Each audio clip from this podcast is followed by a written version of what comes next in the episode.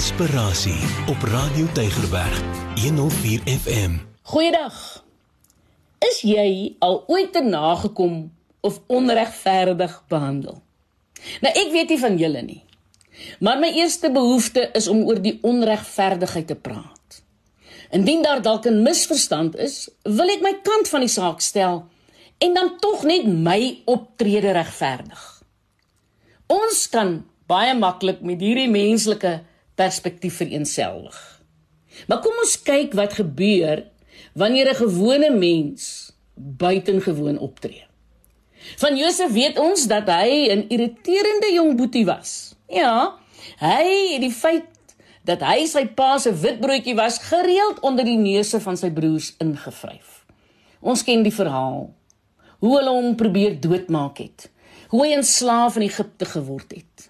Potifar se vrou wat hom valslik beskuldig en dan land hy 13 jaar onskuldig in die tronk. Hy help sy tronkmaats, maar die skinker vergeet van sy belofte aan Josef. Maar dan lê hy die koning se droom uit en hy word skielik beloon met mag en aansien. Die hongersnood bring sy broers na Egipte en gee nou vir Josef 'n kans om hulle te laat boet vir hulle wrede daad van 20 jaar tevore. Hy kon hulle laat betaal vir wat hulle aan hom gedoen het. Josef se grootste versoeking was nie Potifar se vrou of sy swaar kry in die tronk nie. Nee.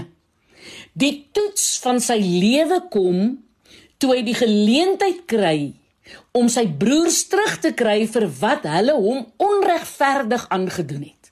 Hulle het 20 jaar van sy lewe gesteel en hy was eintlik skuldig of hulle was eintlik skuldig aan moord. Wat is Josef se reaksie? Genesis 50:20. Julle wou my kwaad aandoen, maar God wou daarmee goed doen.